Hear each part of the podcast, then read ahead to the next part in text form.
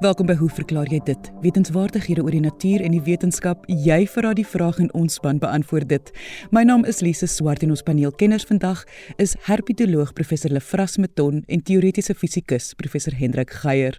Ons eerste vraag word beantwoord deur teoretiese fisikus professor Hendrik Geier. Daniel Rademeier van Modderfontein skryf: Verduidelik asseblief hoekom mens 'n plat staalstaaf maklik kan buig oor die platkant, maar moeiliker oor die rugkant. Ek dink dit het te doen met die hefboom voordeelaksie.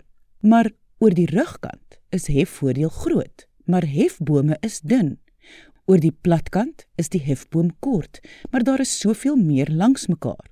So, mense sou dink buig oor die platkant en rugkant het dieselfde hefvoordeel.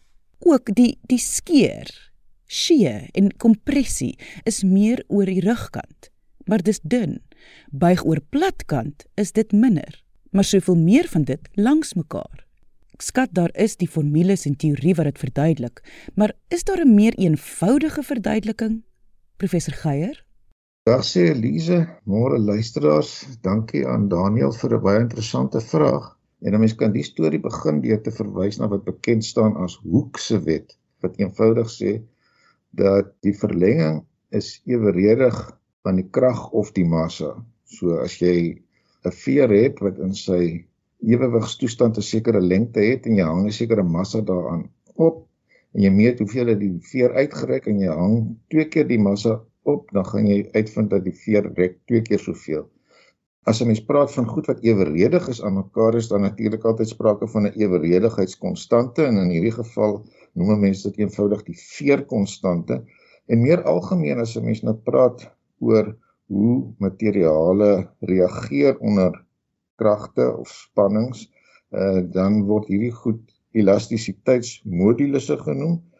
Uh, meer spesifiek wanneer jy praat oor die mate van volumeverandering wanneer jy 'n krag op 'n materiaal uitoefen as jy hom uitrek of saamdruk, praat ons van Young se modulus.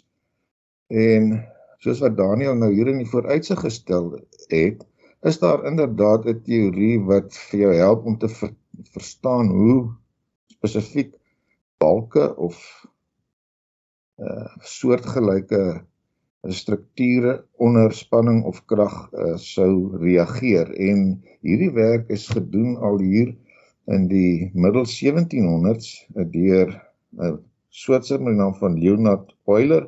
Hy was verseker ook 'n polymaat wat groot bydraes in die wiskunde en in die fisika gelewer het.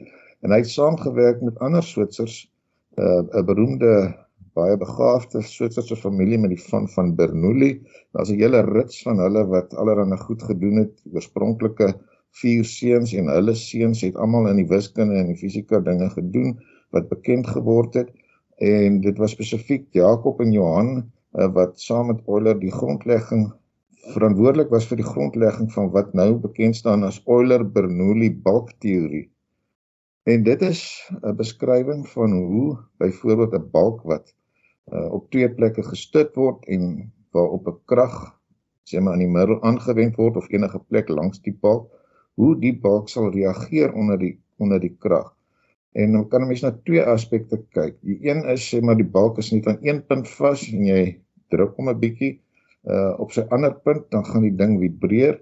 Uh alternatief uh, kan 'n mens dink aan 'n aan 'n 'n balk wat op twee punte gestit is en waar jy krag erns langs die balk uitoefen en dan gaan hy nou onder die as jy die krag daar hou, dan gaan die ding natuurlik nou 'n spesifieke ewewigsposisie bereik waar hy 'n bietjie uitgebuig het.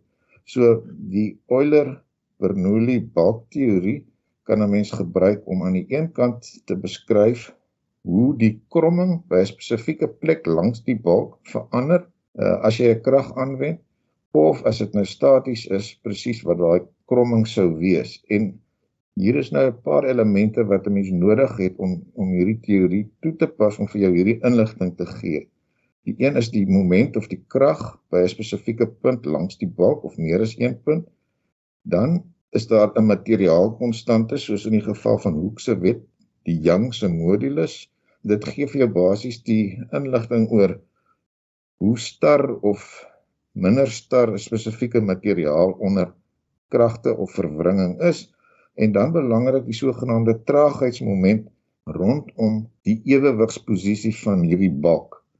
Nou die traagheidsmoment speel die rol van 'n massa wanneer 'n mens praat van dinge wat roteer. So ons weet van Newton se tweede wet wat sê dat as jy 'n sekere krag op iets uitoefen, dan is die versnelling omgekeerd eweredig aan die massa. So vir 'n spesifieke krag uh, kan jy uitwerk wat is die versnelling deur eenvoudig met die massa deel. Nou dieselfde situasie geld natuurlik vir rotasie en onderskeidelik word die krag vervang deur 'n wringkrag die massa deur 'n traagheidsmoment en die versnelling in die geval van Newton se wet word vervang met 'n hoekversnelling. Met ander woorde, die mate waartoe iets al hoe vinniger of stadiger sou roteer. En vir ons gesprek nou uh, is die fokus op wat genoem word die traagheidsmoment en traagheidsmoment is altyd met betrekking tot 'n spesifieke as in die geval van die balk sou dit tipies die lyn langs die middelpunt van die balk wees En die traagheidsmoment is 'n maatstaf van hoe die massa rondom daardie lyn versprei is. Meer spesifiek, as 'n mens nou net na rotasie self kyk, is die traagheidsmoment van 'n massa wat roteer eweredig aan die afstand van daai massa uh vanaf die rotasie as. So verder weg, hoe groter is die, is die traagheidsmoment en die en die die spesifieke afhanklikheid is kwadraties. So as iets twee keer verder weg van die rotasie af uh, as af is en roteer met dieselfde massa dan het hy 'n traagheidsmoment wat vier keer groter is. So die traagheidsmoment sê vir jou iets van hoe die massa van die ding wat jy besig is om te bestudeer uh, versprei is rondom 'n spesifieke as. In die geval van goed wat roteer, is dit nou die rotasie as en in die geval van balke en soortgelyke voorwerpe uh, is die traagheidsmoment verwys dan na die sogenaamde uh equilibrium as uh die as wat min of meer in die middel van van die voorwerp uh langs die rigting waarin jy gaan buig in equilibrium is. Nou as 'n mens nou al hierdie goed gesê het, dan is die een gemeenskaplikheid van 'n situasie waar die balk vibreer en waar die balk staties onder 'n krag reageer het, is dat die kromming by 'n spesifieke plek is omgekeerd eweredig aan die traagheidsmoment. So 'n groot traagheidsmoment gaan vir jou 'n klein kromming gee en 'n klein traagheidsmoment gaan vir jou 'n groter kromming gee. En nou is ons al eintlik baie naby daaraan om ehm um, Daniel se vraag te beantwoord, naamlik om uit te wys dat as jy nou 'n plaat oor sy platkant buig, dan loop die as met betrekking waartoe jy nou die buiging meet al langs hierdie plaat af. Weerskante daarvan is die materiaal maar baie dun versprei en die traagheidsmoment is met ander woorde relatief groot want die massa lê redelik na aan daardie as. Aan die ander kant as jy nou die plaat op sy rugkant draai en jy probeer hom oor die rugkant buig, dan is die traagheidsmoment baie groter want daar is baie meer van die plaat wat ver weg is van daardie as ehm um, as dit nou 'n groterige plaat is natuurlik. So die deurslaggewende oorweging Daniel is die feit dat vir die platkant buig is die traagheidsmoment relatief uh klein en dan is vir 'n gegeewe krag die mate van buiging relatief groot of omgekeerd as jy 'n spesifieke buig in gedagte het of spesifiseer, uh, dan kan jy dit bewerkstellig met 'n relatief klein krag. Aan die ander kant, oor die rugkant is die traagheidsmoment groot. Dit beteken die kromming of die afwyking van die normale posisie is relatief klein vir 'n gegeewe krag en as jy 'n sekere kromming wil bereik, dan moet jy 'n al hoe groter krag uitoefen. So die feit dat die traagheidsmoment die deurslaggewende element in hierdie reaksie van 'n balk is wanneer jy hom onder spanning of krag onderwerp, uh is die deurslaggewende ding wat jy laat verstaan die mate waartoe die ding kan buig uh in spesifieke oriëntasies. Nou, dis interessant te loop dat dat hierdie analise wat Euler en Bernoulli uh, deurgevoer het, kan so ver teruggevoer word as werk wat mense soos Galileo en Da Vinci al gedoen het Hulle kon natuurlik nie die storie tot op die einde deurvoer nie want hulle het nog nie van Hooke se wet byvoorbeeld geweet nie, maar hulle het belangrike aanvoorwerk gedoen om uiteindelik by die sogenaamde Euler-Bernoulli balkteorie uit te kom. Terloops, um, ek het gesê dat hierdie teorie al hier in 1750 min of meer uh, volledig uh, geformuleer was, maar mense lees dat dit eers omtrent 100 jaar later was toe dinge soos die Eiffeltoring ontwerp en gebou is, uh, dat dit in die praktyk toepassing begin kry Um, ek kon een verwysing na hierdie situasie kry, naamlik dat die Euler-Bernoulli balkteorie in die konstruksie van die Eiffeltoring belangrik was, maar ek kon nie 'n spesifieke bron nog sover opspoor nie. So enige iemand wat verder daaroor wil gaan opslaan is natuurlik welkom en vir ons te laat weet uh, of 'n mens nader aan die uh, oorspronklike bron van hierdie stelling kan kom. Nou, ek wil afsluit Lize deur deur vir Daniel te sê 'n mens kan uh, alles wat ons hier gesê het, uh eintlik ook deesdae op 'n mikroskopiese vlak uh, ten minste in breë trekke verstaan. Wat ek bedoel is as 'n mens nou gaan kyk na na 'n metaal, dan is dit tipies 'n rooster van atome. Nou daar's verskillende soorte roosters, maar kom ons vat nou maar 'n kubiese rooster met ander woorde laag op laag van atome wat in elke laag in vierkante gerangskik is en hulle is nou opgepak en jy kan nou heelwat materiaaleienskappe verstaan as jy aan hierdie situasie dink as 'n klomp balletjies dis nou die atome wat met vere aan mekaar gekoppel is en jy onderwerp nou hierdie materiaal aan 'n spesifieke krag uh, of wringkrag die sogenaamde ekwilibrium as is die een wat sy lengte behou onder die buiging. Maar aan die ander kant kan 'n mens nou sien as jy sê maar die platplaat buig aan die bokant moet die plaat effens rek om nog heel te bly om dit so te stel en aan die onderkant van hierdie ekwilibrium as moet hy effens ingedruk wees. Mens kan dit natuurlik aflei jy sê maar die die die plaat buiging as 'n sulke vormige buig beskou, dan het jy nou die ekwilibrium as in die middel van hierdie struktuur wat dieselfde lengte het as toe hy nog nie onder krag onderwerp is nie. En aan die bokant moet hy nou effens rek om by te hou en aan die onderkant word hy effens in mekaar gedruk om ook by te hou en nog 'n plaat te bly. So wat jy moet regkry as jy nou die ding buig is om die atome wat verder weg is meer uitmekaar uit te trek en die wat aan die onderkant uh, saamgedruk word, uh, moet jy natuurlik nou saamdruk en dit kos 'n sekere krag of energie om dit reg te kry.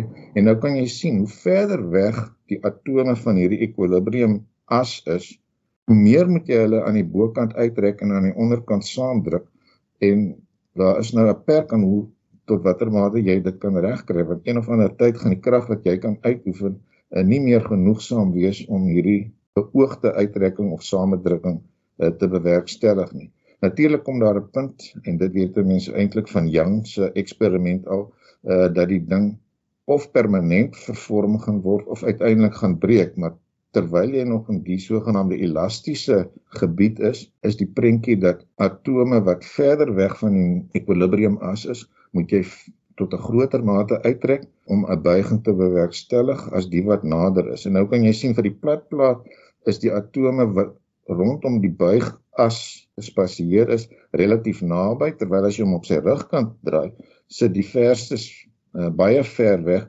en raak dit des te meer moeilik of eintlik onmoontlik uh, om die buiging te bewerkstellig. So mense kan hierdie hierdie storie vertel uit die oogpunt van die klassieke analise wat Euler en Bernoulli gedoen het. Daar speel die sogenaamde traagheidsmomente 'n belangrike rol. Aan die ander kant as jy net aan die balletjies en veertjies model van 'n tipiese metaalstruktuur dink, dan moet jy vir jouself sê aan die een kant moet jy die goed verder van mekaar af trek en aan die ander kant nader aan mekaar druk en hoe verder weg daar atome is wat hieraan onderwerp is, hoe meer krag het jy nodig om die buiging te bewerkstellig. So Daniel, ek hoop jy kan nou die storie vertaal in jou eie prentjie van hefbome en dun en dikker hefbome Uh, maar dit is dan hoekom 'n mens 'n plat plaat makliker oor sy oor sy plat kant kan buig as oor sy rugkant. Jy luister na hoe verklaar jy dit? My naam is Lise Swart Ons het 'n versoek van Mani Lombard ontvang om 'n verskynsel wat sy ouers in die 60er jare waargeneem het te probeer verklaar. Hy beskryf die voorval so: In Desember 1961 het my ouers op die plaas Erfdeel gewoon. Dit is geleë teen die Valdam, halfpad tussen Oranjewil en die toegewilde Jim Forshey vakansieoord. Die damvlak was laag sodat daar 'n eiland oop was wat onder heupdiepte te voet vanaf die oewer bereik kon word.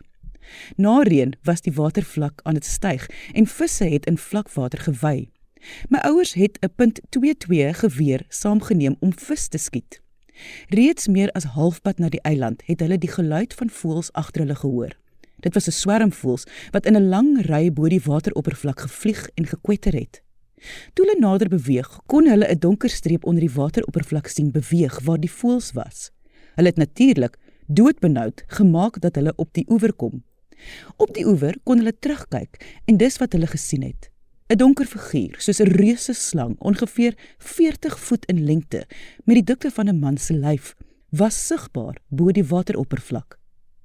Dit het dieper in die dam sy kop vir 'n paar sekondes gelig, waarna dit weer onder die water verdwyn het.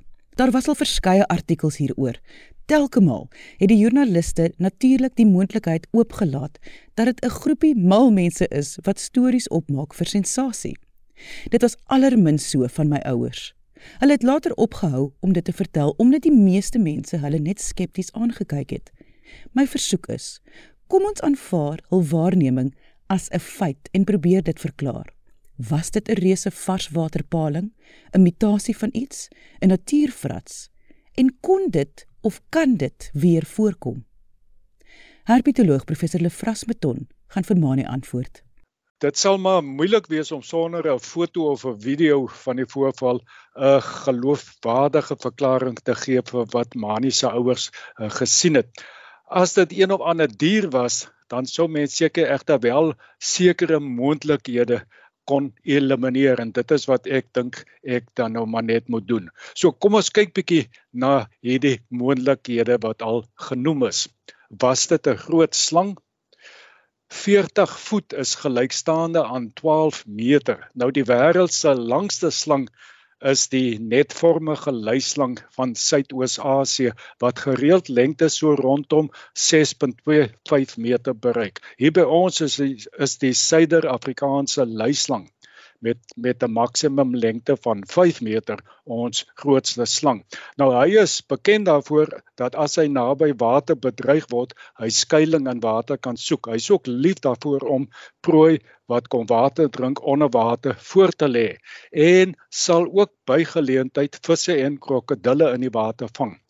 Afgesien daarvan dat hy nou heelwat korter is as die geskatte 12 meter lengte van die ding wat Mani se ouers daar by die Vaaldam gesien het, sou sy lang en dik lyf hom seker 'n goeie kandidaat kon gemaak het. 'n Mens sou ook verwag dat hy so af en toe sy kop bo die water sou uitsteek om asem te haal terwyl hy nou daar geswem het. Die probleem is net dat die luislang nie in die Vaaldam omgewing voorkom nie. Verder swem slange met sywaartse kronkelbewegings van die liggaam. Ongelukkig word daar nou niks hieroor in uh, maniese beskrywing of die ouers se beskrywing genoem nie, maar 'n mens kry tog die indruk dat die beweging in 'n reguit lyn was sonder kronkels. Net gou iets oor mutasies. Ons weet dat 'n enkele mutasie tot allerlei afwykings by diere aanleiding kan gee, maar liggaamsgrootte is 'n komplekse eienskap waarby verskeie gene en ook die ekologiese omstandighede van die dier by betrokke is. Buitensporige liggaamsgrootte afwykings onder Suid-Afrikaanse slange is is onbekend. Oor die jare is die waarneming van massiewe slange agter egter alwel opgeteken, maar ongelukkig altyd sonder enige stawende getuienis in 1899 byvoorbeeld het 'n handelsreisiger ene GA Kneer uh toe hy die Oranje rivier naby Appington oorgesteek het, het hy die kop en nek van 'n monsteragtige slang gesien wat uit die water verskyn het. Ongeveer 8 tot 10 voet uh lank. Dis nou so 3 meter. Dis nou net die deel wat bo die water uitgekom het. In 1910 het Frederik C. Cornell en twee makkers 20 myl van die Ograbies watervalle gekamp. Nou een van die manne, 'n Amerikaner met die naam Kammerer, het in 'n poel naby die kamp gaan bad en later skreeuende teruggestorm en vertel dat daar 'n groot golf agter hom opgekom het en dat 'n kop met massiewe kake van 'n reuse slang, uh, 12 voet, uh, 3.7 meter sal dit wees, in die lug opgeruis het. Dieselfde Cornell het in Mei 1920 by die samevloei van die Groot Visrivier en die Oranje rivier ook die kop en nek van 'n reuseslang wat in die water swem gesien. In November 1963 het koerante begin berig oor waarnemings van 'n watermonster in die Vaaldam. Nou die beskrywings was meestal vaag, maar 'n groot slang is ook genoem was dit dalk 'n reuse paling wat Mani se ouers gesien het?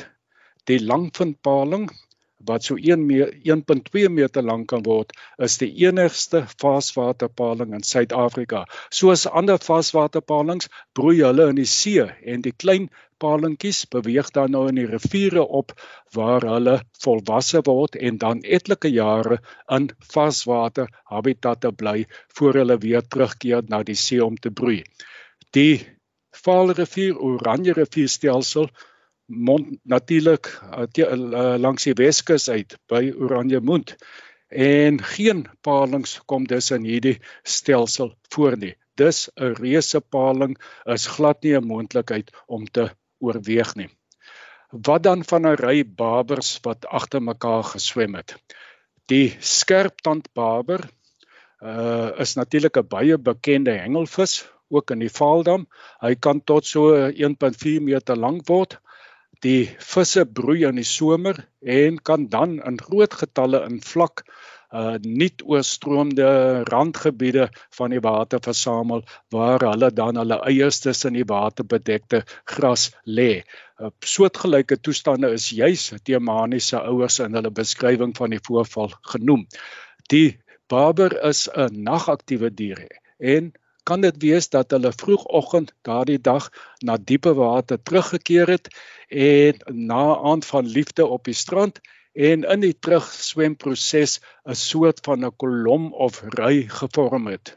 Maar hoe verklaar 'n mens dan nou die kop uh wat uh, Mani se ouers by twee geleenthede bo die water uh sien uitsteek het? Was dit dalk 'n groep otters?